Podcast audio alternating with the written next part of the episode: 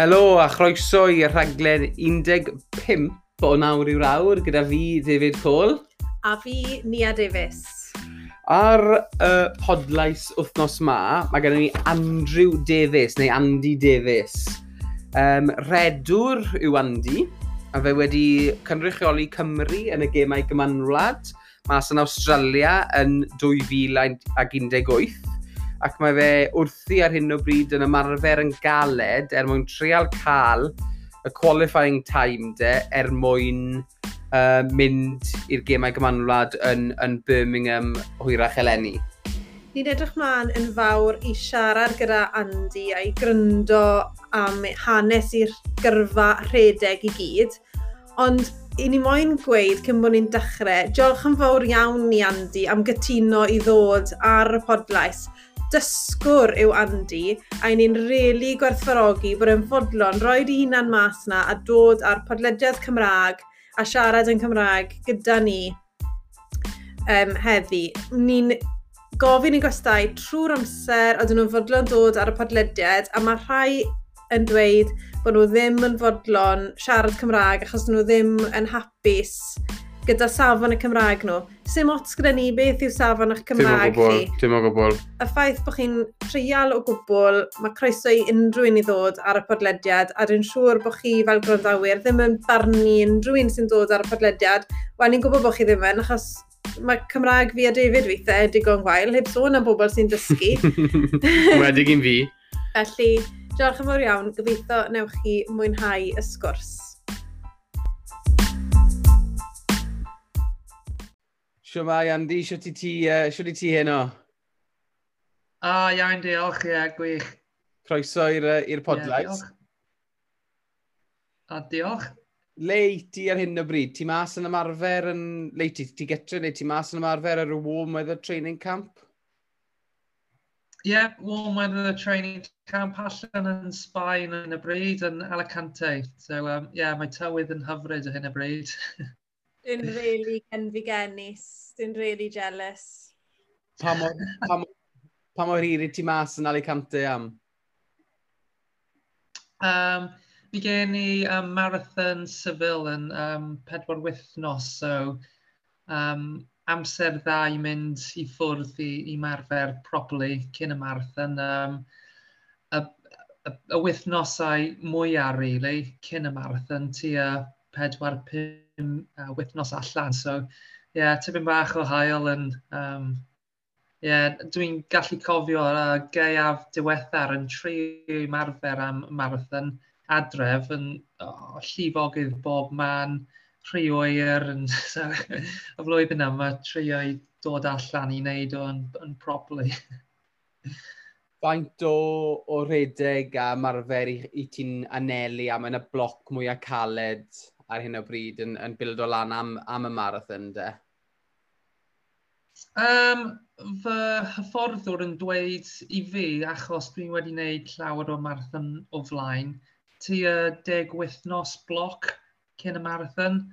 Um, Ie, yeah, yn y uh, um, dwy wythnos cyn y marathon yn teip taper tipyn bach, so wyth wythnos um, rhwng 95 a cant o milltir, um, yeah, yn rhedeg. Just dim ond rhedeg hefyd and bit of uh, core training as well. And, yeah.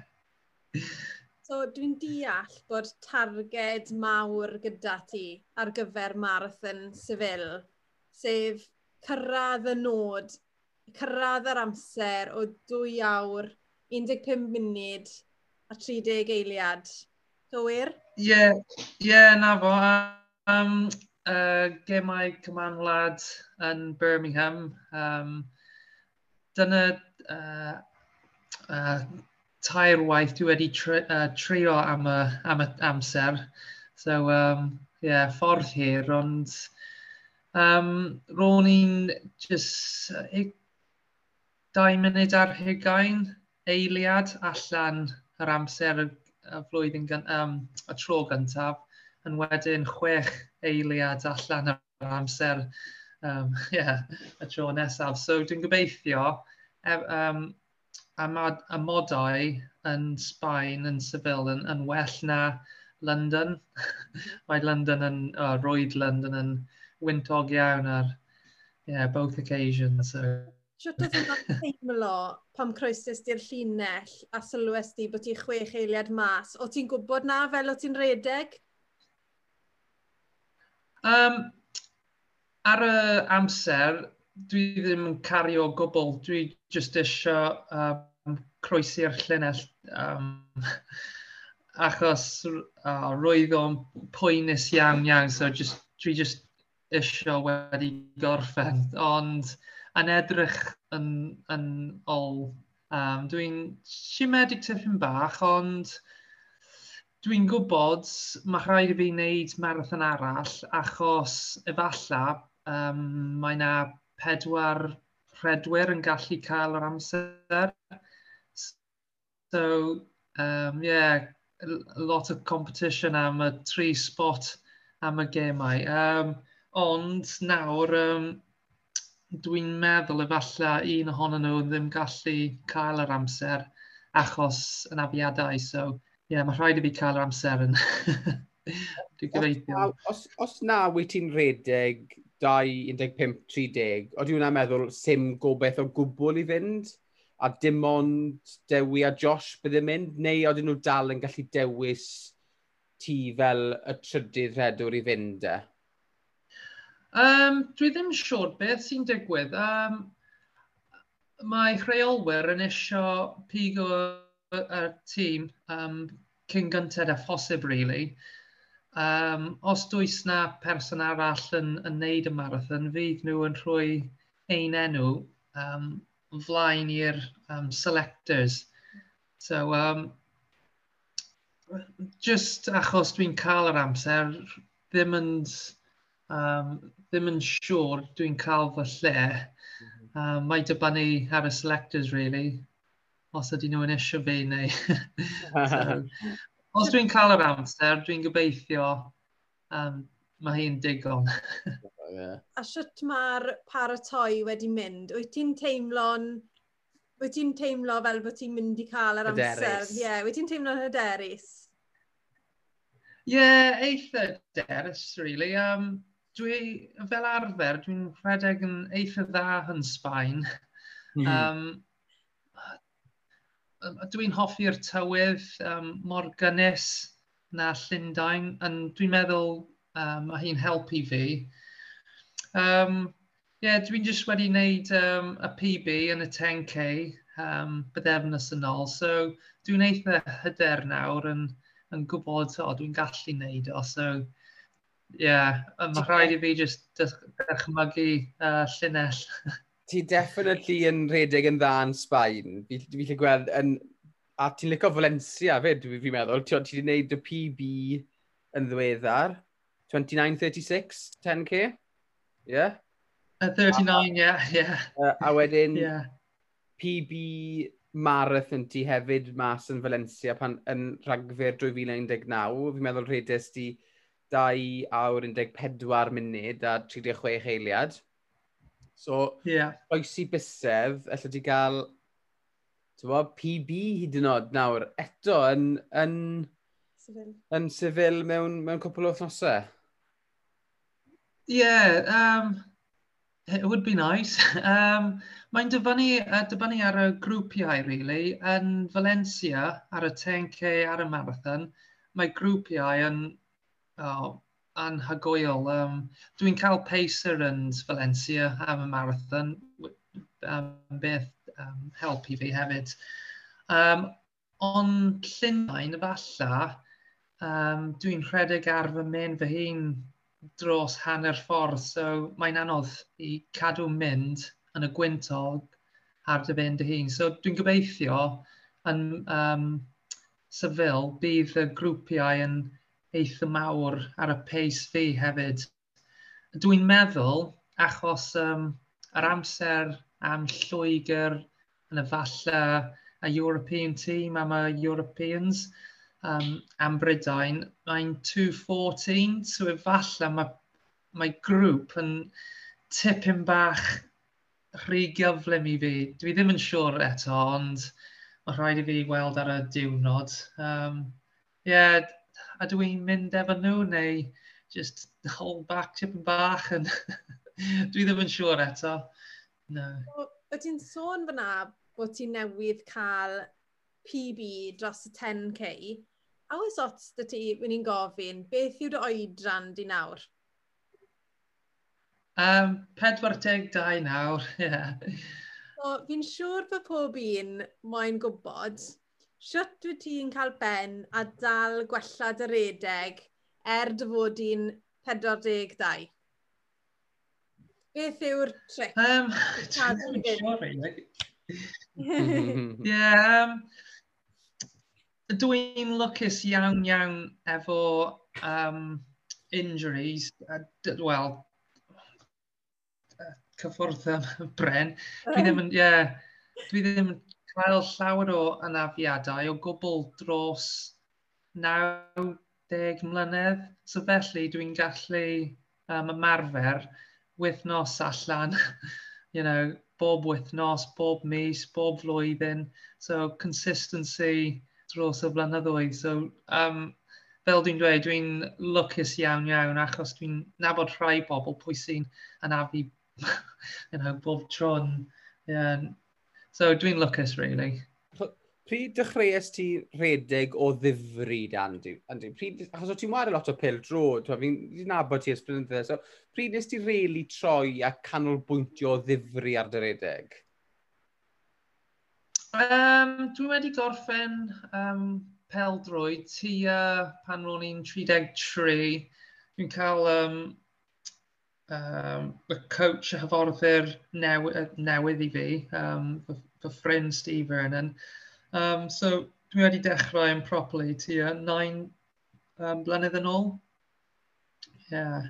So dechreuais ti'n eitha, mae'n e-, eitha teg i gweud bod ti wedi dechrau'n eitha hwyr. Dim, so, fi weld we ti'n redeg, ond bod ti'n waren safon uchel o, o beildrod. So nes ti ddim rili really cymerio o ddifri nes eitha hwyr yn dyrfa.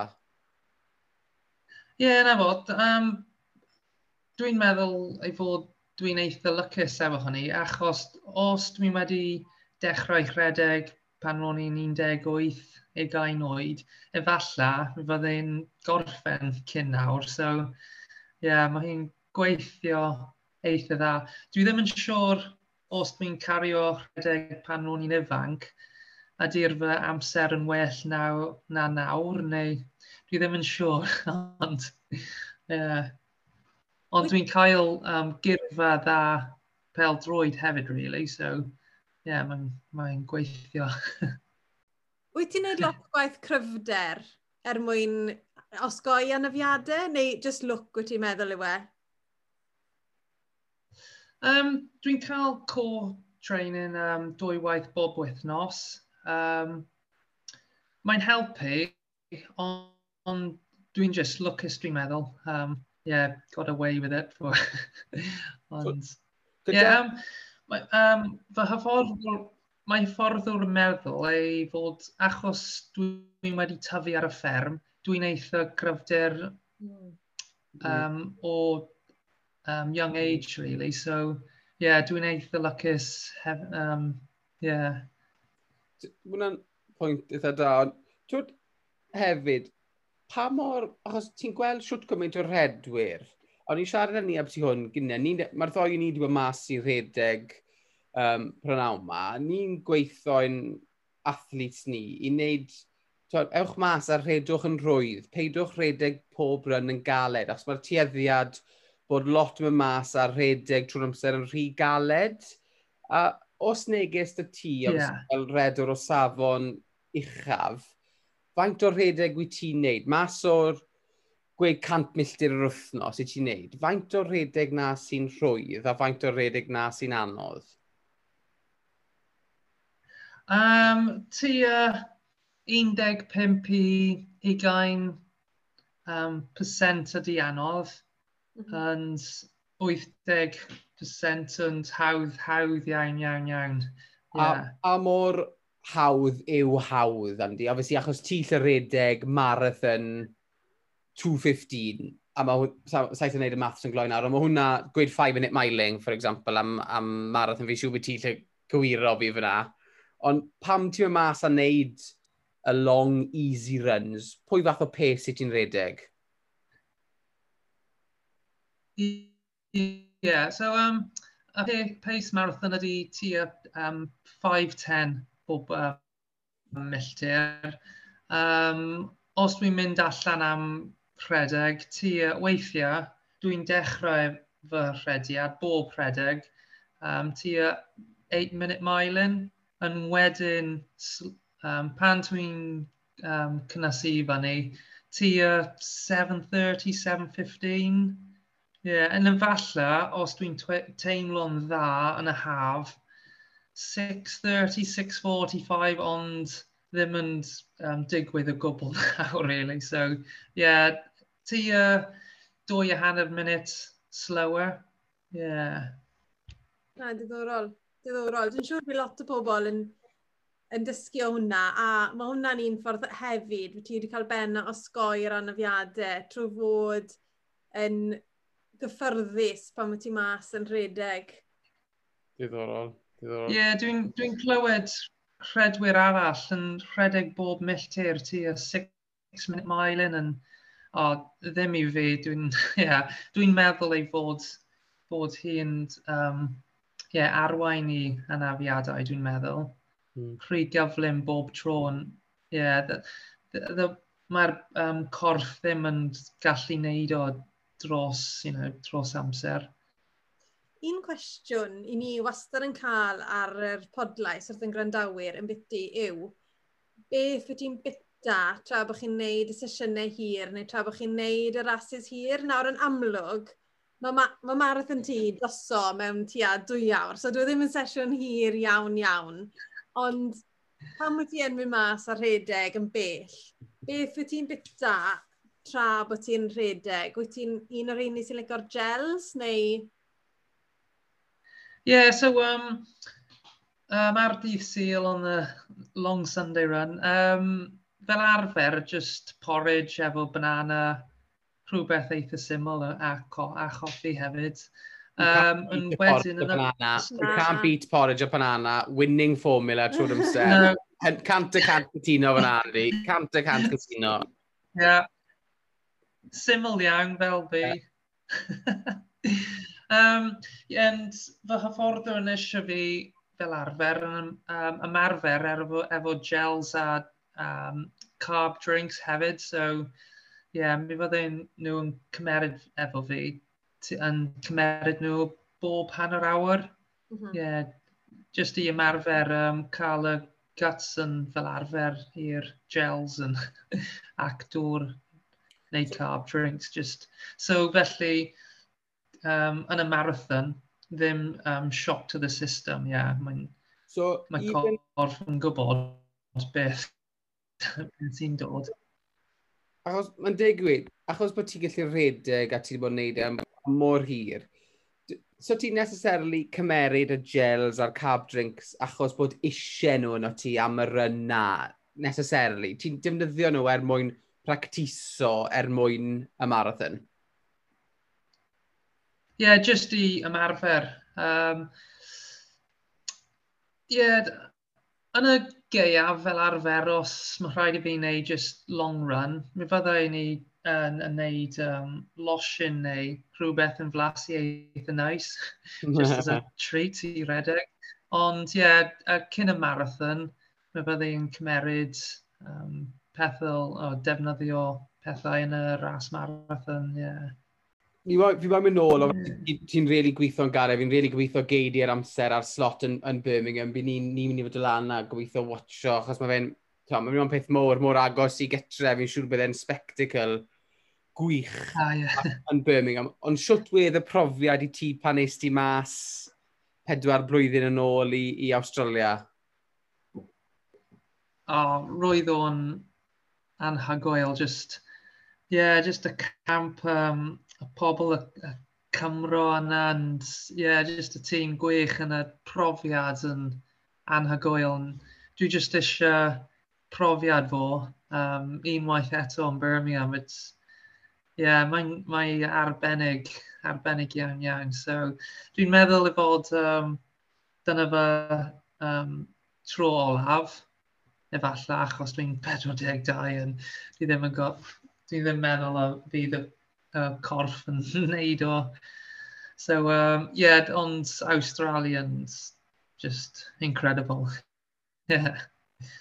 Wel, pob loc, byn ni'n croesi fusau, pob bus sydd gyda ni um, pan byd ti'n raso mewn, mewn pedair wythnos yn sefyl, pob loc i ti. Oh, diolch, ie, yeah, dwi eisiau fo. O, oh, fi'n siŵr, chwech eiliad bant tro pwy. Pwy dyddiad yw Andy, ni cael cadw lygad mas yeah. o'r e. beth yw'r det? Um, I gain fed o mis chwefror. Ie, yeah. um, dwi ddim yn siŵr amser, ond ie. yeah. um, Briliant. Ie, yeah, falle. Um, uh, fydd amser, efallai, and, and dwi wedi wneud digon yn barod, ond mm. dwi ddim yn eisiau risgo fo. Yeah. Mae rhaid i fi wneud un arall. Dyna tri marathon yn 11 mis nawr, so mae'n anodd, ond dwi'n gobeithio jyst gwerth chweil, really. Yeah. O ti'n agos yn, yn Kew Gardens, na wyt ti? O ti'n dda agos yna? pan nes di yeah. 2.15.50 yn yr Olympic Trials yn Kew Gardens, a dim ond 20 eiliad yw i roi dim yn perspektif. Yeah.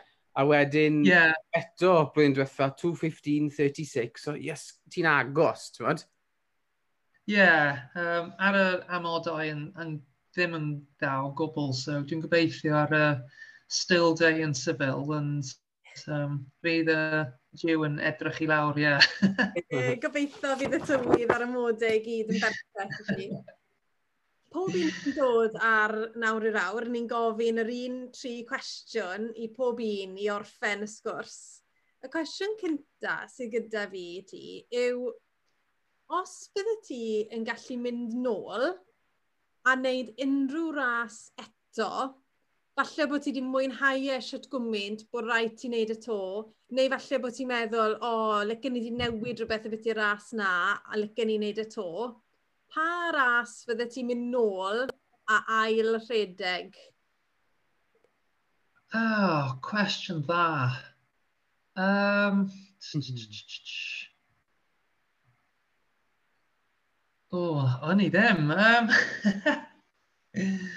um, Efallai Australia yn y, yn y Commonwealth Games. Um, y, y tymherydd yn oh, anhygoel, right, rhyboedd 35 gradd Celsius. Yn efallai dechrau um, tipyn bach slower.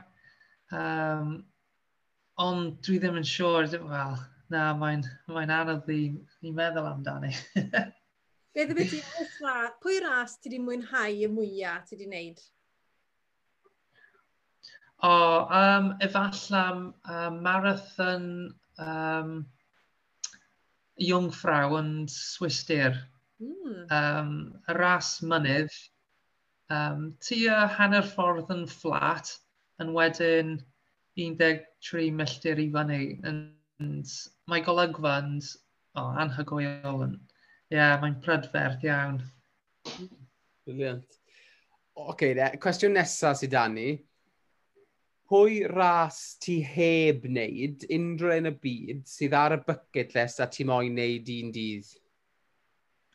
Um, oh, efalla, um, dwi'n gallu wneud y cyfle flwyddyn yma. Dwi ddim yn siŵr eto, ond um, the UTMB, Okay. Um, yeah. The Ultra Trail de Mont Blanc.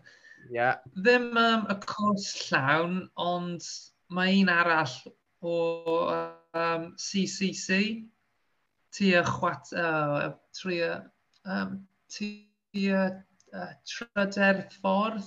So, uh, tia pum awr i, i ennill y ras. So, yeah, dwi eisiau gwneud y ras hwnna o gwmpas um, Mont Blanc Wow, yeah. And uh, efallai, um, yeah, um, un yn y desert hefyd yn Morocco.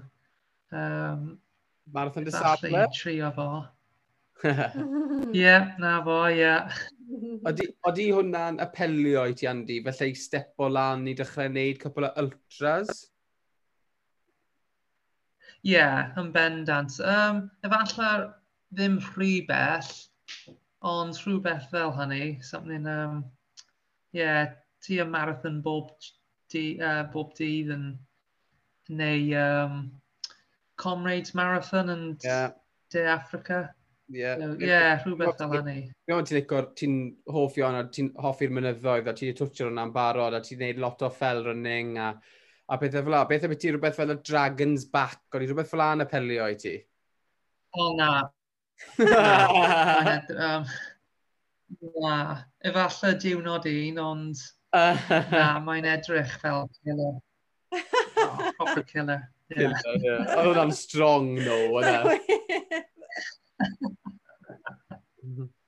Na, ddim i fi. Right, cwestiwn olaf sydd da ni i ti. So, just imagine nawr, ti'n sifil, ti di redeg, 214. Oh, yeah. Ti'n redeg 214, ti'n delighted, ti'n di benni. Beth wyt ti'n mynd i cael ei bita ar ôl y ras? Na falle ddim straight away, ond noswaith ni, ti mas o bwyd, three courses, unrhyw beth ti moyn, beth wyt ti'n mynd i bita? Um, a burger filthy, efo sglodion, um, a Coca-Cola. yeah, um, dwi'n hapus efo hynny, e, yeah. yeah. Sounds good. Sounds good. Perfect. Burger uh, yw'r ateb mwyaf gyffredin i ni'n cael. Mae yeah. pob un yn gweud burger. O'n i'n i uh, siarad non-Stanford, Elin y Kirk, a nhw gyd yn gweud, ar ôl, ar ôl cystadlu, a nhw i gyd yn mas, burger, um, uh, yn y moyn... Filthy, ie. Yeah. Works, nid bacwn, yeah. a caws. Ie. Yeah. brioche bun, sweet potato fries, Mae grandawyr oh, popeth. yn fed up o clywed ni'n siarad yeah. wedi burgers, achos yeah. mae gen i'n symwys yn siarad wedi favourite layers ni o burger. Siw mae'r diet ydy ar hyn o bryd, Andrew, yn, uh, yn arwen lan, twa pedwar wythnos mas, i ti'n tha strict a beth ti'n bita? Am na, ddim strict o gwbl. Um, uh, mae'n eitha call. Um, dwi eisiau, a dwi'n hoffi creision, so os dwi eisiau creisio, mi fydde i'n bita nhw. And, yeah, dwi'n eitha, dwi'n ish um, bita llawer o llisiau yeah. um, ac ffrwythiau hefyd. So, yeah, yn wedyn os dwi'n eisiau rhywbeth. Ie. Ie, ie, ie, na fo, union, yeah. Ac yn neud cant milltir bob wythnos, mae llawer o caloriau, so, ie, yeah, rhaid i fi bita llawr hefyd. Yn siŵr mae un o'r challenges mwyaf yw i wneud yn siŵr bod ti'n bita digon. Ie. Ie. Uh, mae'n... Um, um, yeah, yeah, it's um, all you can eat allan yma o hyn y bryd. So, yn yn ystod, yn ystod yn, um, yn nos, um, mae pryd o fwyd yn enfawr. Gormod, really, but... Brilliant. Diolch yn fawr i ti am dy amser, Andy. Pob lwc masif i ti mas yn, uh, yn y marathon. Byddwn ni'n croesi busedd a byddwn ni'n cadw lygad o siwt beth ti'n mynd. O, oh, diolch yn fawr iawn, ie. Yeah. Dwi eisiau, dwi eisiau look. Yeah, thank you. Dwi'n iawn.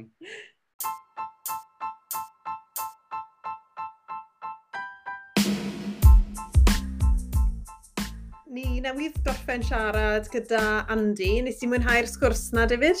Do, oedd e'n diddorol iawn. Fy'n jyst yn diddorol iawn i weld siwt oedd e'n redeg mor dda yn yr, yr, yr, yr oedran ma fe. Oeddi, mae'n wers i ni gyd dwi'n credu. Um, rhedeg yn araf am llawer o'r ymarferion ac hefyd wneud yn siŵr bod y co yn gryf, y cor sy'n cadw popeth gyda'i gilydd, a os di'r co chi'n gryf, wneud e cadw chi yn heb anaf de. Wel, mae fe'n oedd yn pwynt bwysig iawn i pawb sy'n mynd i wrando ar, arno hwn, a'r gwerth sydd y mas i fi, a fi'n fi, neud lot o filltirodd, yw, yn gyntaf mae Andy ddim yn cael unrhyw anafiadau. Dwi ddim yn, mae fe'n lwcus felly i raddau, ond hefyd mae fe'n ma fe gall. Mm. Mae fe'n redwr, fel chi'n gwybod, mae fe'n redeg marathon yn 2 awr 15 munud, 5-10 unit miling. Ond pan mae fe'n mas i wneud y long runs ma, mae fe'n dechrau off 8 minute miling. Yes.